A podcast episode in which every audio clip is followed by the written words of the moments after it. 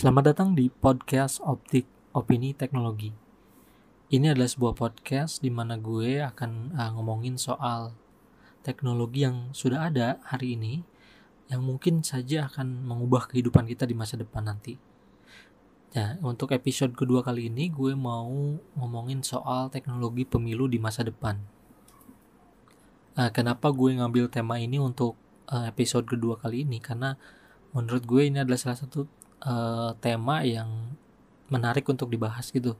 Karena apabila kita melihat sistem voting untuk pemilu hingga saat ini kan kita masih menggunakan uh, cara yang sudah lama banget kita pakai. Dan gue akan coba untuk apa ya menggambarkan mungkin ada satu teknologi yang mungkin saja ini di masa depan akan digunakan sebagai uh, standar voting ya secara digital gitu. Karena uh, ini juga udah banyak dibahas di berbagai platform kayak di TEDx. Gue juga udah nonton uh, video-videonya mereka yang sharing tentang teknologi ini. Meskipun secara global ini memang belum uh, diterapkan. Jadi baru ada beberapa benchmark yang mereka lakukan secara uh, terbatas lokal gitu di Jepang dan di Swiss kalau nggak salah. Oke jadi salah satu pertanyaan yang bisa kita ajukan untuk tema kali ini adalah Bisakah kita melakukan pemilihan umum secara elektronik saat ini? Nah, kita lihat dulu backstory-nya nih, kenapa uh, ada gagasan seperti ini. Karena salah satu isu yang ada di pemilu tahun 2019, menurut riset GNR adalah 40% millennials di Indonesia enggan untuk memilih. Karena tidak cukup mereka dapat informasi dan uh, ketidakpedulian mereka juga terhadap kontestasi politik seperti itu. Jadi ada banyak di antara mereka yang mungkin pada saat hari pencoblosan mereka lebih memilih untuk bekerja atau beraktivitas lain. Jadi cukup besar banget porsinya 40% millennials uh, tidak memilih dan bisakah kita di masa depan di mana nanti jumlah millennials tentu akan apa mendominasi nantinya. Bisakah uh, kita uh, meng, meng, apa ya meningkatkan jumlah pemilih dari sisi millennials? Tapi itu bukan fokus gue di di pembahasan ini karena gue akan lebih fokus ke teknologi apa yang mungkin suatu hari nanti akan diadopsi oleh kita atau mungkin secara global gitu. Nah ini gue coba nyari beberapa artikel yang berkaitan dengan pemilu elektronik atau e-voting kebanyakan ditulisnya itu adalah uh, gue cek di CNN di Merdeka di Kompas gitu ya. Ada satu berita yang memang atau artikel mungkin di mana banyak yang mengusulkan untuk dilakukan e-voting. Kenapa sih pemilu itu nggak secara digital aja? Dan pemerintah sudah merespon kalau uh, pemerintah sebenarnya terbuka dengan sistem-sistem atau inovasi yang baru seperti itu. Tapi berdasarkan benchmark kabarnya dari beberapa negara yang sudah dilakukan pemerintah itu saat ini belum belum diterapkan secara global e-voting gitu. Untuk pemilu kayak gitu. Dan kebanyakan masih menggunakan metode konvensional. Jadi untuk saat ini e-voting dirasa belum efektif. Terus juga kalau gue amati dari uh, artikelnya bahwa di sini masih e-voting itu didefinisikan dengan teknologi yang ada ya. Jadi Ya, nanti akan gue jelasin teknologi apa yang kayak kayaknya akan tep, akan menjadi standar di masa depan, tapi kalau saat ini sudut pandangnya itu masih kayak e-voting itu jadi kayak ada entah smartphone atau komputer di bilik-bilik suara. Jadi tetap ada bilik-bilik suara, tetap ada e, harus disiapin komputer di situ, harus disiapin smartphone, harus disiapin jaringan internet di satu titik gitu sehingga masyarakat datang ke situ melakukan voting di bilik digital itu. Tapi konsep pemilu di masa depan menurut uh, gue yang nanti gue akan jelasin lebih detail tentunya itu menggunakan satu teknologi di mana hasil akhirnya adalah kita setiap orang yang memiliki hak suara itu bisa melakukan voting secara mandiri melalui smartphone kita atau laptop kita di mana pun kita berada. Misalnya gue di rumah dan ini adalah hari pemilu ya gue bisa milih uh, misalkan uh, bupati atau presiden itu di smartphone gue di hari di hari di mana gue harus memilih. Gue nggak harus datang ke bilik suara atau bilik suara digital atau bilik suara konvensional tapi gue benar-benar milih di smartphone. Nah pertanyaannya adalah uh, bisa nggak sih uh, nanti gimana kalau mayoritas kita kan tahu ya demografi Indonesia itu nggak 100% warga negara Indonesia itu memiliki gadget kayak gitu ya untuk saat ini ya. Betul dan dan seperti yang gue bilang teknologi yang nanti gue akan coba gali ini bukan teknologi yang mungkin bisa relevan hari ini. Tapi kita nggak tahu di masa depan karena ini gue coba salah satu bacain ya hasil survei ya. Uh, hasil survei peningkatan pengguna internet di Indonesia. Itu kalau gue nggak salah baca itu sudah ada 202 juta jiwa yang sudah menggunakan internet saat ini warga Indonesia.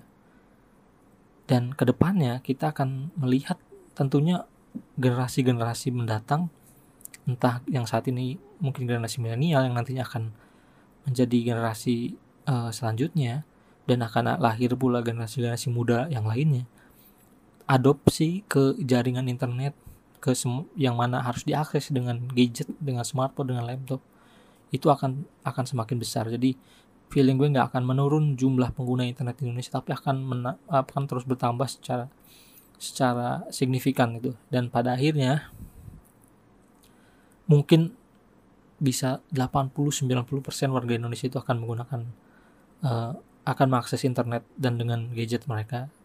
Itu uh, prediksi gue ya kalau ngelihat dari trennya yang yang semakin banyak orang di Indonesia warga Indonesia menggunakan internet dengan gadget mereka sehingga akan ketika semua orang sudah menggunakan smartphone dan sudah mengakses internet di situlah teknologi yang nanti akan gue coba ceritain ini akan masuk gitu akan bisa diterapin sekarang kita masuk ke pembahasan intinya. Jadi teknologi apa sih yang bisa digunakan di masa depan sebagai uh, platform untuk voting khususnya kayak dalam pemilu ya. Mungkin kalian udah sering dengar teknologi ini namanya blockchain. Jadi blockchain ini sangat identik sekali ya, kalau kita akhir-akhir ini dengar itu sangat melekat dengan Bitcoin ya.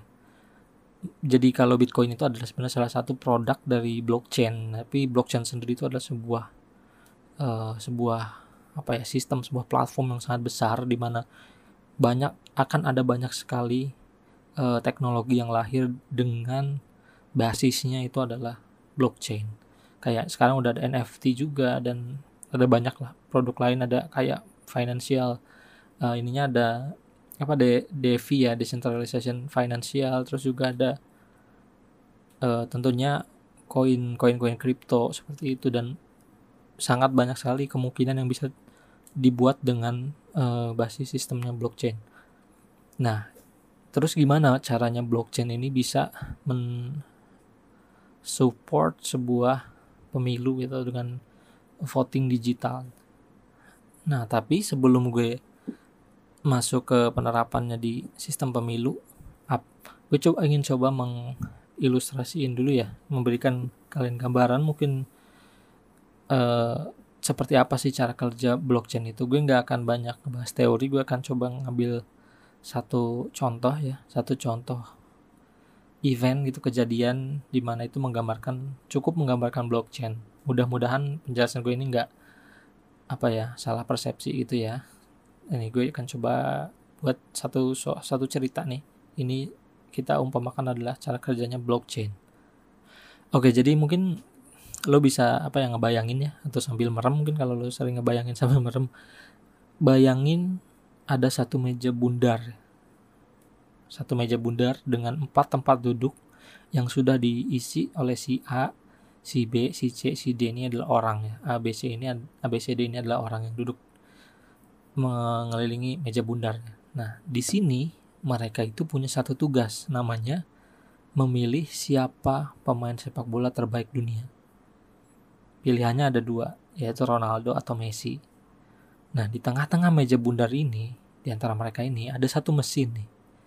Mesin ini tuh terhubung ke jaringan internet. Dan yang mengakses mesin ini, yang terhubung dengan mesin ini adalah miliaran komputer di seluruh dunia yang random. Jadi ada di negara ada di negara Amerika, ada di Jamaika, ada di Indonesia, ada di Cina, ada di mana-mana. Mereka miliaran komputer itu terhubung ke mesin ini yang ada di tengah meja ini. Nah, tugasnya miliaran komputer ini adalah memverifikasi nanti e, hasil dengan dari alat yang ada di meja ini. Jadi gue akan coba lanjutin dulu ceritanya.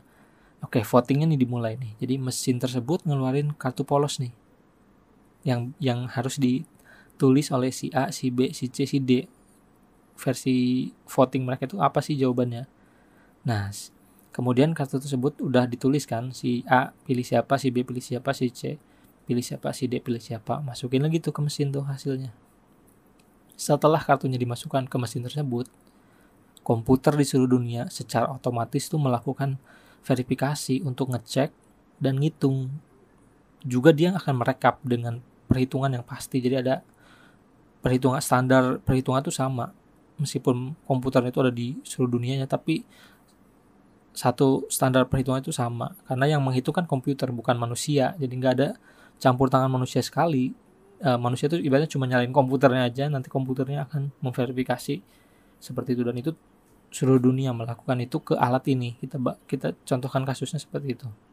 Jadi itu adalah fungsi dari miliaran komputer itu dan kita tahu uh, semua jawaban udah dimasukkan ke dalam alat itu dan semua komputer miliaran itu melakukan verifikasi. Verifikasinya itu dia uh, ada menghitung juga si A dia juga tahu nih miliaran komputer ini si A pilih apa si B pilih apa si C pilih apa si D pilih apa dan sama komputer seluruh dunia itu direkap.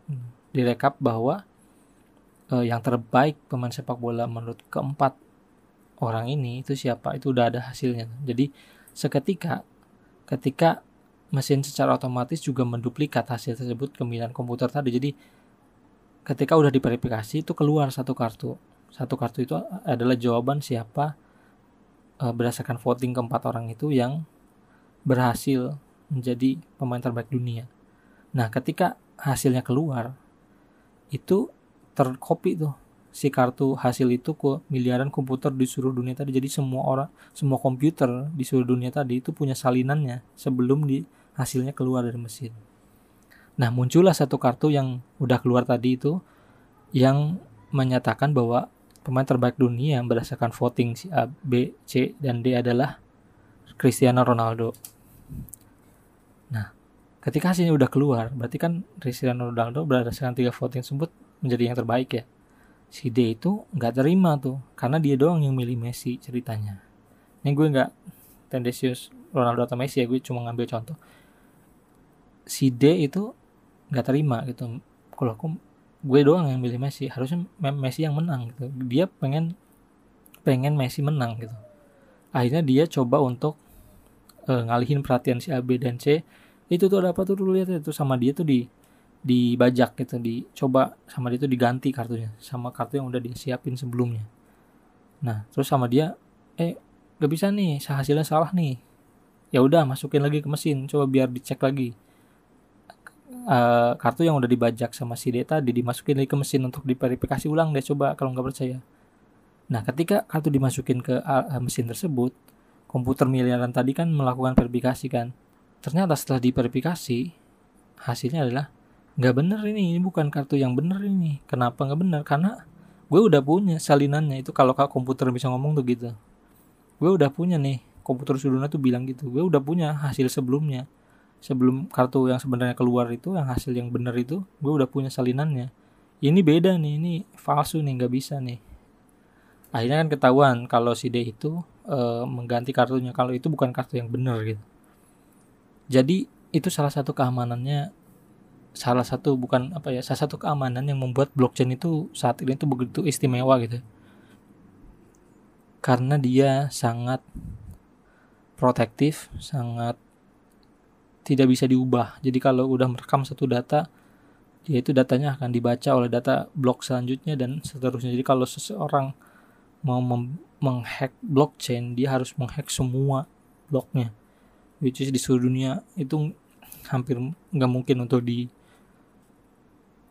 hack seperti itu untuk saat ini ya. Kita nggak tahu teknologi orang-orang untuk me menghack di masa depan akan seperti apa. Tapi untuk saat ini itu adalah teknologi yang dirasakan paling aman dan akan cukup punya uh, cukup panjang sistem keamanannya untuk blockchain ini untuk masa depan gitu. Nah dari contoh tadi kita bisa tahu cara kerja blockchain kira-kira seperti apa. Terus pertanyaan berikutnya, terus gimana sih cara implementasi blockchain teknologi ini ke pemilu, khususnya di negeri kita di masa depan nanti ya? Nah, kalau kita mau melakukannya secara nasional, memang harus dipastikan dulu kalau semua memiliki perangkat seperti HP, laptop, dan ada jaringan internet. Itu benar banget, karena kalau itu belum siap, memang nanti akan banyak suara juga yang kita nggak bisa kesampingkan untuk suara-suara mereka juga didengar gitu di di di dimasukkan ke dalam rekap itu jadi memang baru bisa efektif ketika hampir semua warga Indonesia itu udah menggunakan jaringan internet dan menggunakan gadget mereka dan dengan perkembangan uh, implementasi jaringan internet dan gadget oleh warga Indonesia semakin tinggi menurut gue itu akan semakin apa ya cepat itu warga Indonesia mengakses internet di mana pun mereka khususnya nanti di masa depannya. Nah kalau kita juga lihat statistik pengguna smartphone-nya itu seperti yang tadi gue bilang itu kan cukup mendukung juga untuk di masa depan akan seperti apa gambaran uh, demografi warga Indonesia-nya. Nah dengan sistem pemilu digital ini juga ada plusnya gitu biaya pemilu itu akan lebih efisien ya. Nah ini bukan apa hasil karangan gue kenapa lebih efisien karena sudah ada risetnya oleh Anika Jacobson dari Agora Technologies ya. Dia menghitung penghematannya bisa sampai 46% setelah risetnya di pemilu di beberapa pemilu negara berkembang. Jadi dia udah menghitung kalau pemilu biasa itu ketika nanti akan dengan teknologi blockchain itu akan akan uh, banyak yang bisa diefisienkan dari segi biaya. Nah, nantinya dengan teknologi blockchain yang jadi blockchain itu adalah sistemnya ya. Nantinya tentu ada aplikasi yang kita buat yang aplikasi itu berjalan di sistemnya blockchain. Nah, jadi dengan aplikasi yang berdiri di atas blockchain tadi, kita kan bisa melakukan voting untuk memilih para pemimpin kita, terus kita bisa melakukannya mungkin sambil rebahan di rumah atau kita juga mungkin bagi yang sibuk nggak perlu nggak perlu ngambil cuti, jadi bisa uh, tetap milih di kantor dengan aplikasi atau via web yang sudah disiapkan. Jadi kita banyak aktivitas yang bisa kita lakukan tapi kita tetap bisa melakukan pemilihan umum. Jadi apalagi milenials kan mereka akan cenderung lebih uh, atensi mereka tuh ke ke penggunaan digital. Dan lagi di aplikasi itu nanti bisa ditambahkan juga kayak uh, profil para calon-calonnya akan dipilih terus kampanyenya juga bisa dilihat di situ jadi di satu platform.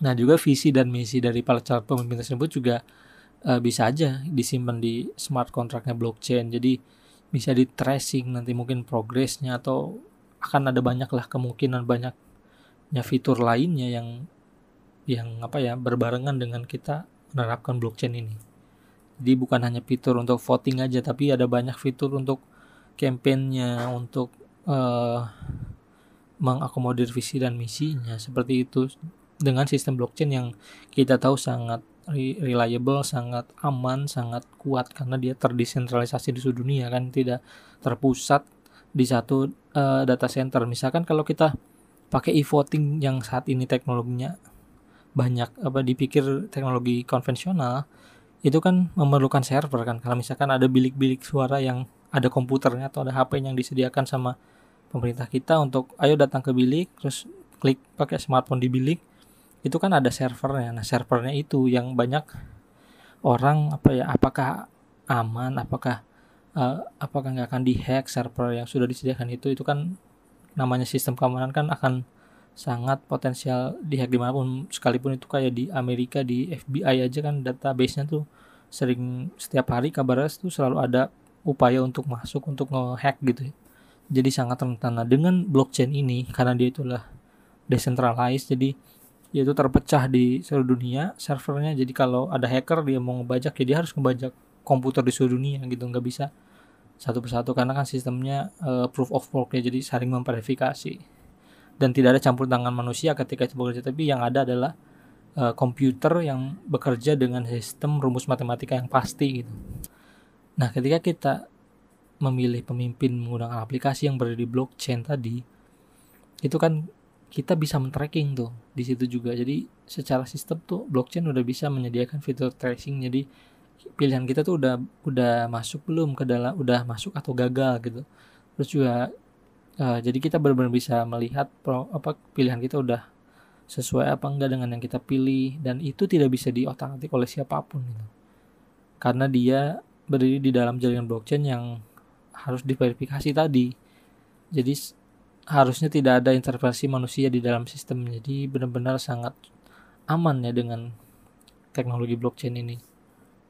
Nah, blockchain ini juga seperti yang gue bilang tadi udah pernah dicoba secara terbatas pemilu uh, dengan blockchain ini di Sukuba Jepang dan di kota Zug Swiss ya oleh Agora Teknologi juga dan hasilnya cukup potensial untuk diaplikasikan di masa depan.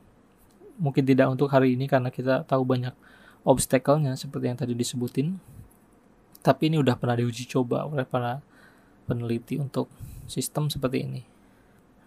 Nah itu kira-kira mungkin yang akan uh, salah satu teknologi ya seperti yang gue bilang konsep podcast gue ini adalah untuk ngebahas teknologi yang sudah ada hari ini. Kita udah bisa lihat apa teknologinya yang mungkin akan menjadi sesuatu di masa depan yang akan merubah kehidupan kita, cara kita uh, melakukan sesuatu gitu, entah itu apa pun. Jadi persepsi orang tentang blockchain, tentang Bitcoin gitu ya, salah satu produknya blockchain, itu adalah ini banyak digunakan untuk kriminal nih. Ini mungkin agak melenceng dari pembahasan gue ya. Ini banyak digunakan untuk penggunaan kriminal, tapi ternyata menurut FBI, menurut gue nggak tahu FBI atau apa, tapi kayak penegak hukumnya di Amerika itu, justru dengan blockchain ini, justru karena penjahat-penjahatnya itu menggunakan teknologi blockchain untuk kejahatan mereka untuk transaksi uangnya mereka adalah dengan Bitcoin dan Bitcoin adalah blockchain justru penegak hukum di Amerika itu bisa men-tracing. Bukan men-tracing kayak terang-terangan namanya si A ke siapa namanya si B ke siapa enggak. Memang ininya anonimus tetap anonimus. Apa uh, hash ID-nya transaksinya itu tetap bukan nama tapi tapi nominal koin yang bergerak itu itu advance banget ya. Mungkin gue juga nggak nggak bisa jelasin secara detail karena gue juga nggak terlalu paham ya tapi caranya bagaimana tapi tapi teknologinya itu dengan penjahatnya itu menggunakan bitcoin ternyata malah lebih mudah untuk di tracing kayak gitu nah oke okay deh untuk episode dua kali ini itu saja podcastnya jangan lupa untuk klik follow untuk dapat uh, update update update berikutnya tentang teknologi apa yang hari ini yang mungkin akan merubah kehidupan kita di masa depan. Cukup sampai di sini. Sampai jumpa di podcast selanjutnya. Bye bye.